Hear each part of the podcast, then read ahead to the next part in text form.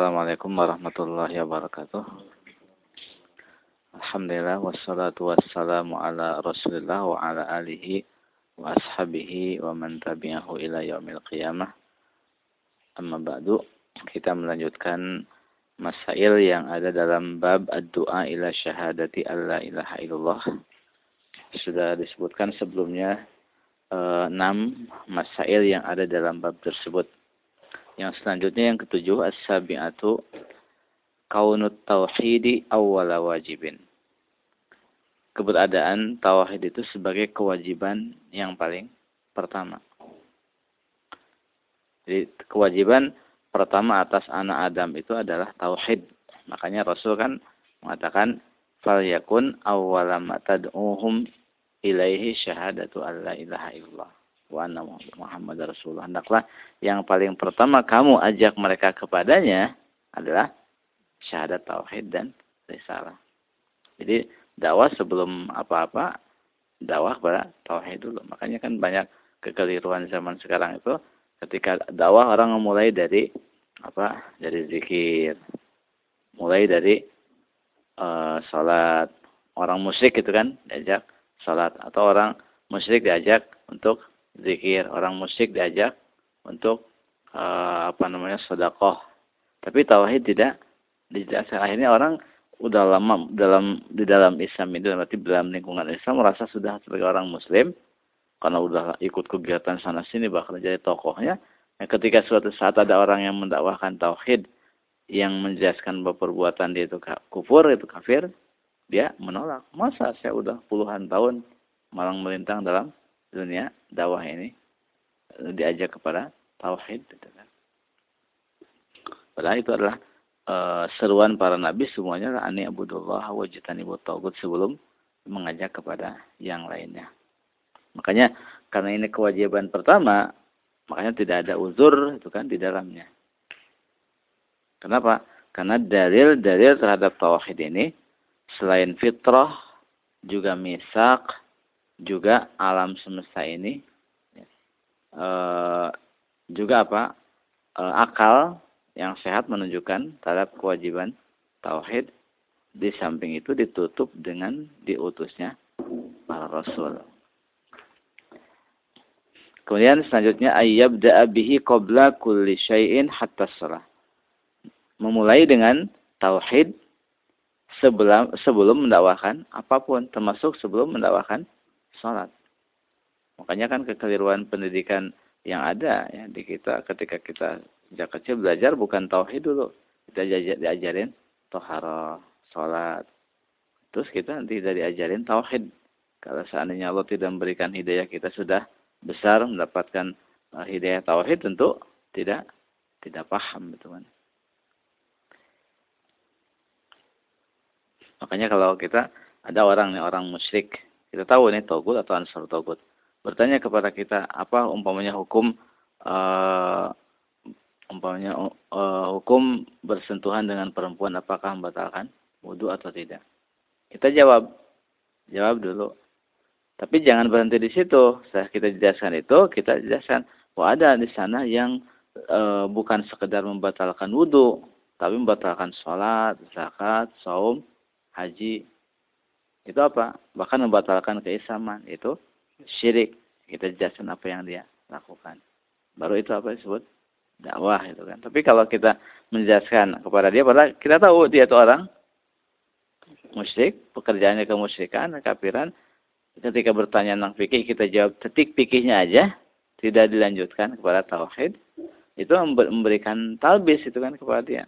Seolah kita mengakui keislaman dia. Gitu. Kemudian anna makna an yuwahhidullaha makna syahadati alla ilaha illallah. Makna dalam hadis Rasulullah ajaklah mereka untuk mentauhidkan Allah adalah makna syahadah la ilaha illallah. Jadi makna tauhid itu adalah makna syahadat la ilaha illallah. Bahkan di dalam e, riwayat yang lain disebutkan apa?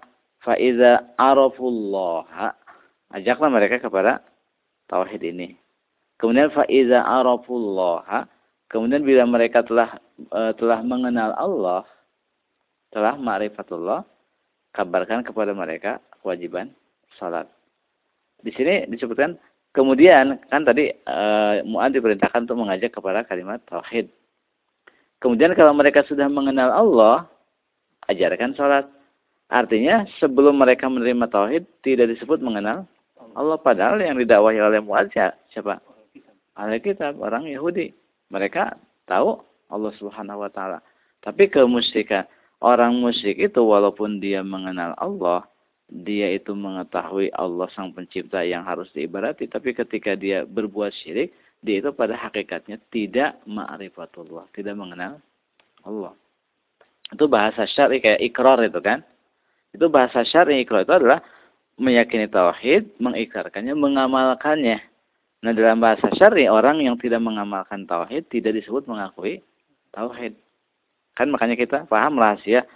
Tadi kan e, kata Rasul fa iza arafullah. Dalam ayat yang lain fa iza arafu zalika. Bila telah mengenal itu.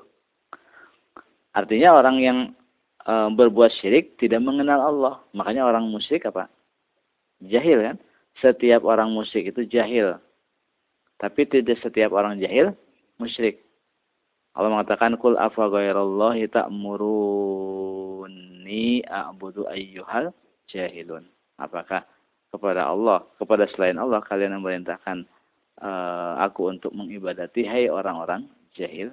Jadi setiap orang musyrik itu jahil kan tidak mengenal Allah. Allah seandainya mereka secara mengenal Allah sang pencipta indah itu, itu pada hakikatnya tidak disebut ma'rifatullah. Makanya kan kenapa Syekh Muhammad ada usul salah kan yang pertama ma'rifatullah, itu maksudnya apa? Tauhid gitu kan. Karena orang kalau sekedar uh, tadi teori itu orang musyrik pun mereka meyakini Allah, tapi dalam bahasa syariat mereka tidak disebut mengenal Allah. Makanya uh, Imam Muhammad Nasr Al-Marwazi juga menyebut ikrar itu adalah tauhid. Orang yang tidak ber, uh, tidak bertauhid walaupun mengakui Allah sang pencipta, walaupun dia sholat zakat saum haji, tapi tidak mentauhidkan Allah disebut tidak mengakui Allah. Dia mengatakan uh, sebagai seperti yang dinukil Ibnu Taimiyah dalam Al-Fatawa juz 7 halaman 325 dia mengatakan qalu ay ahlus sunnah walamma kana ilmu billahi imanan wal jahlu bihi kufran wal kana wa kana ilmu bil faraid imanan wal jahlu biha qabla nuzuliha laysa bi kufrin li anna ashaba Rasulillah sallallahu alaihi wasallam qad aqarru billahi awwala ma ba'asallahu rasulahu sallallahu alaihi wasallam. Gila akhirih. E, tatkala ahlu sunnah mengatakan, kata Imam Muhammad Nasr al-Marwazi, ahlu sunnah mengatakan, tatkala me mengilmui Allah, mengenal Allah itu adalah iman, dan jahil kepada Allah adalah kekafiran, dan mengenal faraid adalah keimanan, dan kejahilan terhadap faraid sebelum ia diturunkan bukanlah kekafiran. Bukan apa? Kekafiran sebelum diturunkan. Kalau tadi apa? Iman kepada Allah mengenal Allah iman. Tidak mengenal Allah kafir mutlak kan? Baik ada wahyu maupun tidak ada wahyu tapi ketika faraid apa mengakuinya adalah keimanan jahil terhadapnya kalau belum diturunkan bukan kekafiran kenapa lianna ashabar Rasulullah karena para sahabat Rasulullah telah mengakui Allah di awal Allah mengutus Rasul kepada mereka. Lihat. Telah mengakui Allah di awal Allah mengutus Rasul kepada mereka. Artinya sebelum uh, mereka menerima ajaran Rasulullah, mereka tidak disebut mengakui Allah. Padahal kita tahu orang musyrik Quraisy itu apa? Kalau ditanya siapakah yang menciptakan Allah? uh, menciptakan langit dan bumi? Mereka menjawab Allah. Jadi uh, tauhid rububiyah itu tidak disebut ikrar. Tidak. Jadi tidak mentauhidkan Allah. Jadi orang yang uh, mentauhidkan Allah disebut ikrar. Nah, orang yang tidak mentauhidkan walaupun dia mengakui tidak disebutlah mengakui Allah. Itu bahasa syariat.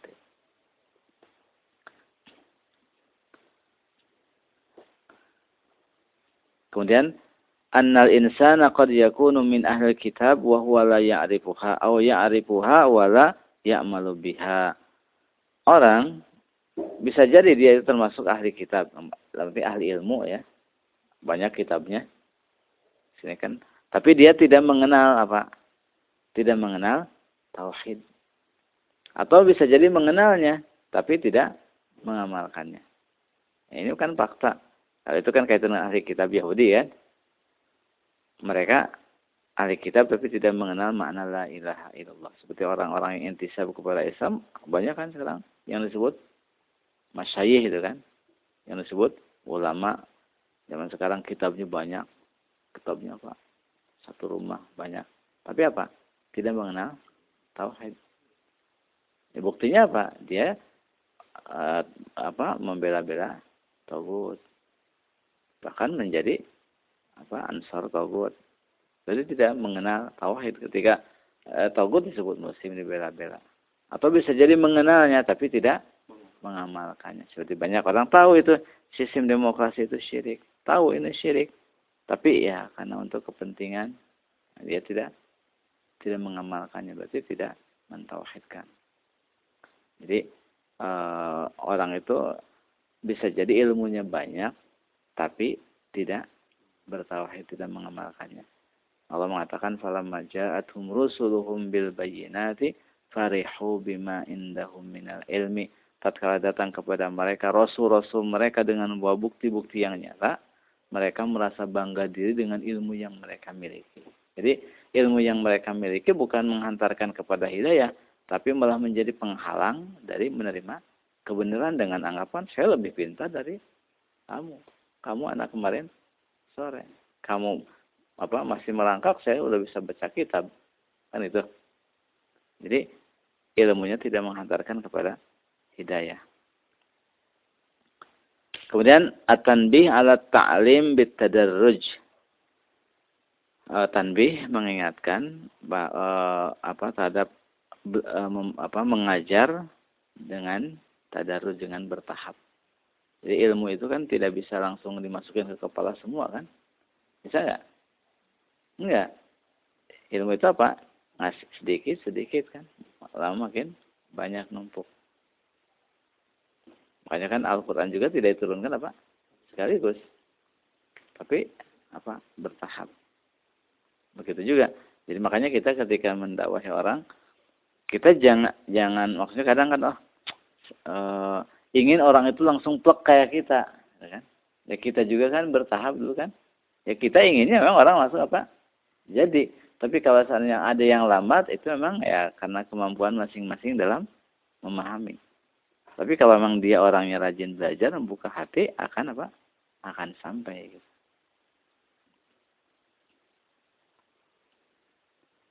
Kemudian al-buda'atu atau al-bada'atu bil aham fal aham. Memulai dengan yang lebih penting. Kemudian yang berikutnya. Tauhid.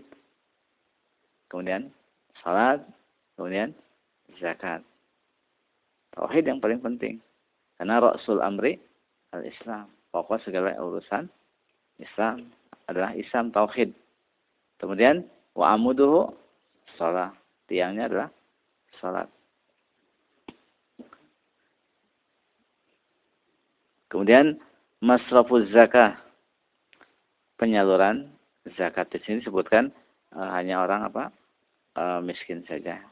Ini menunjukkan bahwa dalam zakat itu dalam menyalurkan zakat tidak disyaratkan semua asnaf yang sembilan eh, yang delapan itu apa dapat bagian semua dari zakat kita itu tapi bisa kepada satu sin pun saja kan di hadisnya tu'khadhu min agniyaihim faturaddu ala fuqaraihim diambil dari si kaya diberikan kepada yang fakir.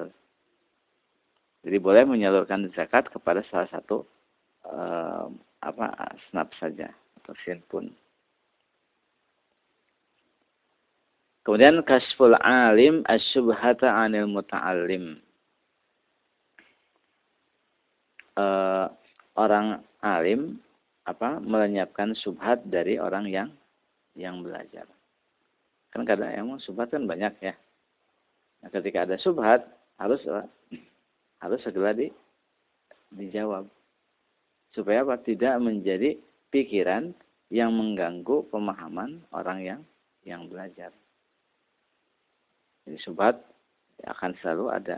Makanya kan e, membantah subhat termasuk ibadah yang paling agung. Makanya kan Imam Ahmad ditanya, apakah saya e, apa membongkar ahli bidah atau yang lebih utama atau saya etikap? Kata Imam Ahmad, kalau kamu etikap itu buat kamu sendiri. Tapi kalau membicarakan ahli bidah, itu buat kaum muslimin. Membongkar ahli bidah, manfaatnya lebih umum, lebih besar. Kemudian an-nahyu an imil amwal, larangan mengambil eh, harta-harta uh, yang paling uh, yang paling dicintai oleh pemilik harta dalam zakat itu. Jadi kalau ngambil zakat diambil yang pertengahan tidak buruk, tidak yang paling bagus, tapi yang pertengahan. Ini menunjukkan bahwa zakat dalam Islam itu diambil langsung ke ke tempatnya, ke sawah, kebun, ya, ke tokonya. Kemudian ittiqa'u da'watil mazlum. Menjauhi doa orang yang dizalimi. Kata Rasul, ittaqi wattaqi da'watal madlum fa innahu laisa bainahu wa bainallahi hijab. Jauhi doa orang yang zalimi karena tidak ada hijab antara dia dengan dengan Allah.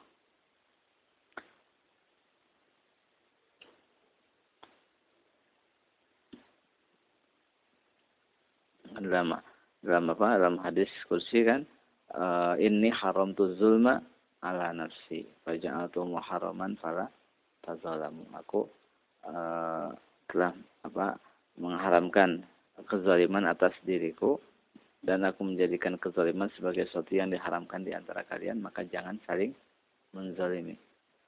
Juga dalam hadis yang lain ittaquz zulma fa inna zulma zulmatun yaumal qiyamah jauhi kezaliman karena kezaliman itu kegelapan-kegelapan di hari kiamat. Dalam sebuah syair katakan eh, la tadliman idza ma kunta muqtadiran fazulmu tarji'u uqbahu ila nadami. Eh, tanamu aynaka wal madlumu muntabihu yad'u alaika wa ainullahi lam tanami. Janganlah kamu berbuat zalim di saat kamu berkuasa karena kezaliman itu akibat buruknya kembali kepada diri mata kamu tertidur Sedangkan orang yang zalim terjaga mendoakan buruk atas kamu sedangkan mata Allah tidak pernah tertidur. Kemudian al-ikhbar bi annaha la. Rasulullah mengabarkan bahwa doa orang yang zalim itu tidak dihalangi dari Allah. Kemudian selanjutnya min adillati tauhid ma jara ala sayyidil mursalin wa sadatil awliya al masyaqqati wal ju'i wal waba. Di antara dalil dari tauhid adalah apa yang terjadi pada uh, sayyidul mursalin Rasulullah dan para tokoh para wali berupa apa? Masyaqqah, lapar dan penyakit. Dan berarti uh, kelaparan, atau kesusahan dan terkena penyakit itu hal yang tabii dan itu sunatullah juga dalam dalam perjuangan. Bila saja uh, Rasulullah mengalami kelaparan, berarti beliau apa? Orang yang paling dicintai Allah Subhanahu wa taala. Berarti yang di bawah itu pun mesti mengalaminya. Dan itu bukan sebagai bentuk Allah membiarkannya, tapi itu sebagai bentuk apa? Ujian dari Allah Subhanahu wa taala. Karena ujian semakin, orang semakin uh, dahsyat, tinggi keimanannya, maka uh, apa ujiannya semakin semakin uh, besar juga. Asyadun nas balaan al-anbiya uh, sumal amsal fal amsal orang yang paling berat ujiannya para nabi, kemudian yang berikutnya dan berikutnya. Kemudian selanjutnya sabda Rasulullah la utiyanna rayata. Aku akan memberikan panji ini kepada orang yang dicintai Allah dan Rasulnya. yang dengannya Allah akan memberikan kemenangan kan? adalah alamun min alamin nubuwah. Salah satu tanda tanda kenabian maksudnya Rasul mengabarkan tentang sesuatu yang gaib yang akan terjadi. Berarti itu dari wahyu dan itu menunjukkan bahwa beliau seorang nabi. Kemudian tafluhu fi ainaihi alamun min alami aidan. Ya Rasul meludahi meludah pada kedua mata Ali yang sedang sakit terus langsung apa? sembuh. Itu masuk apa? salah satu tanda kenabian juga. Langsung sembuh. Kemudian selanjutnya fadilatu Ali radhiyallahu anhu, keutamaan Ali radhiyallahu taala anhu. Di mana mendapatkan pilihan dari Rasulullah SAW untuk uh, apa uh, memegang panji tersebut dengan tadi ucapan Rasulullah panji ini akan apa diberikan kepada orang yang dicintai oleh uh, Allah dan Rasulnya. Kemudian fadlus sahabah fi dawkihim tilkal lailah wa syughlihim an basyaratil fathi. Keutamaan para sahabat di mana malam itu mereka sibuk membicarakan tentang siapa yang akan mendapatkan anji tersebut. Sampai mereka apa tidak e, terlena dari mengingat kabar gembira tentang kemenangan. Mereka lebih e, yang lebih inginnya apa? Yang kalimat yang orang yang dicintai Allah dan Rasulnya itu. Kemudian al-iman bil qadar li husuliha liman lam yas'a laha wa man iha amman sa'a. Iman kepada takdir di mana e, hal itu maksudnya didapatkan oleh orang yang tidak mengupayakannya dan dihalangi dari orang yang berupaya. Maksudnya panji itu diberikan. Ali kan tidak tidak apa tidak tidak datang kan, tidak nunggu tapi di mana? Di tendanya kan. Tapi dapat panji itu. Orang yang datang pada nunggu tidak dapat. Itu berarti kan takdir ya. Takdir berarti iman kepada takdir. Takdir karena Rasul mengatakan eh, annama akhta'aka lam yakun liyusibak wa ma asabaka lam yakun liyukhti'ak. Apa yang meleset darimu tidak akan menimpa diri kamu dan apa yang menimpa dirimu tidak mungkin meleset dari kamu. Kalau Allah takdirkan dapat panji itu, walaupun ada di rumah pasti dapat kan itu. Jadi takdir dari Allah Subhanahu wa taala.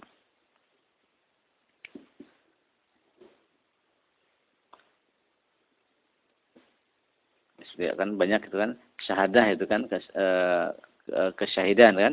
Orang yang sudah mencari lama belum mendapatkannya. Tapi orang yang baru kan?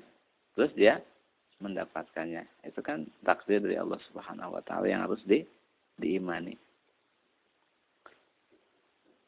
Makanya takdir itu e, diimani bukan diikuti. Orang yang orang mukmin itu orang yang mengimani. Takdir bukan orang yang mengikuti takdir. Kemudian al adab fi qawlihi ala rislik. Etika pada sabda Rasulullah ketika mengatakan ala rislik, tenanglah. Jangan tergesa-gesa. Kemudian ad-da'watu ilal Islam qabla al-qital, mengajak kepada Islam sebelum diperangi, sebelum perang. Ini bagi siapa? Bagi musuh kafir asli yang belum pernah diajak ke dalam Islam. Makanya kan Rasul kalau mau mengirim pasukan ke orang-orang kafir asli, Rasul mengatakan Eh, idza laqita aduwaka minal musyrikin fad'uhum ila salasi khisalin fa ayatuhun ajabuka ilaiha faqbal minhum ud'uhum ilal islam fa inhum ajabuka faqbal minhum summa ud'uhum ila tahawul min darihim ila daril muhajirin fa inhum abau fa akhbirhum annahum yakununa ka arabil muslimin wa la yakunu lahum fil ghanimati hum abau fas'alhumul jizyata fa in hum uh, ajabuka faqbal minhum wa kufa anhum fa in hum abau fasta'in billahi wa qatilhum. Kan di sini kalau kamu bertemu dengan musuh kamu dengan orang kalangan orang musyrik, ajak kepada salah satu dari yang tiga. Ajak kepada Islam. Kalau nerima, ajak untuk hijrah. Kalau tidak mau, berarti status seperti orang Arab, Baduy, Muslim. Kalau mereka tidak mau Islam, ajak bayar jizyah. Kalau tidak, kalau mau ya jangan diganggu. Kalau nolak baru perangi. Itu orang kafir asli. Karena apa? Belum mendengar tentang Islam. Tapi kalau orang kafir asli yang sudah mendengar apa? Islam, sudah pernah diajak kepada Islam, itu diserang mendadak juga boleh tanpa perlu didakwahi dulu. Makanya Rasulullah menyerang Banu Mustalik di saat mereka lengah dalam hadis muttafaq alaih agora Rasulullah SAW ala Banu Mustalik wa hum gorun faqatala muqatilatahum Rasulullah menyerang tiba-tiba Banu Mustalik saat mereka lengah Rasul membunuhi laki-lakinya dan menawan anak istri mereka. Terus orang murtad, orang murtad nggak usah di dakwahi dulu. Kenapa? Karena dia sudah sudah tahu Islam. Jadi ada ajakan kepada Islam sebelum per, perang itu bagi orang kafir asli yang belum pernah diajak kepada Islam. Kemudian annahu masyru'un liman du'u qabla zalika wa, wa qutilu. Dan itu juga disyariatkan bagi orang yang sudah diajak sebelum itu dan sudah diperangi. Maksudnya e, orang yang sudah didakwahi sebelumnya pun apa di, ya dianjurkan walaupun tidak wajib.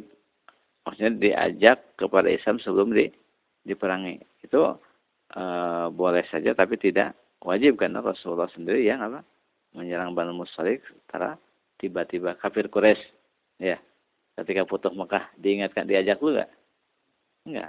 Langsung diserang tiba-tiba kan kita.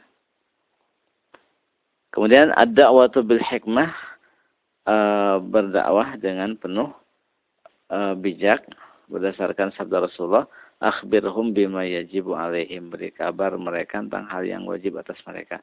Jadi maksudnya memulai dengan yang paling pokok dulu. Kemudian al-ma'rifatu bihaqqillah fil Islam. Mengenal hak Allah dalam Islam ini.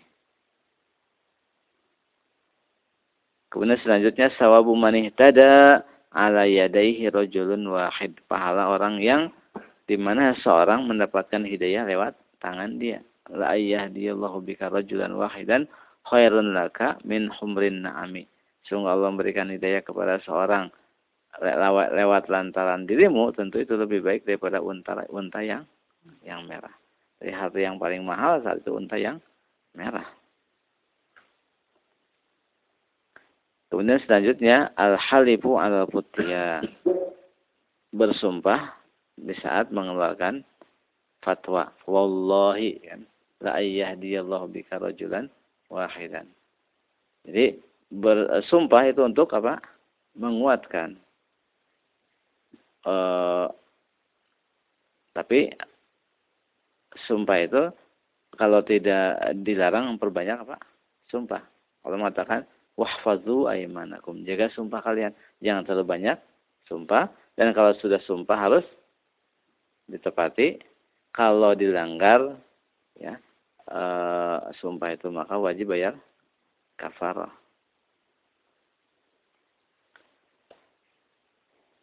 Ya, kita cukupkan. Wassalamualaikum Muhammadin wa ala alihi wasallam.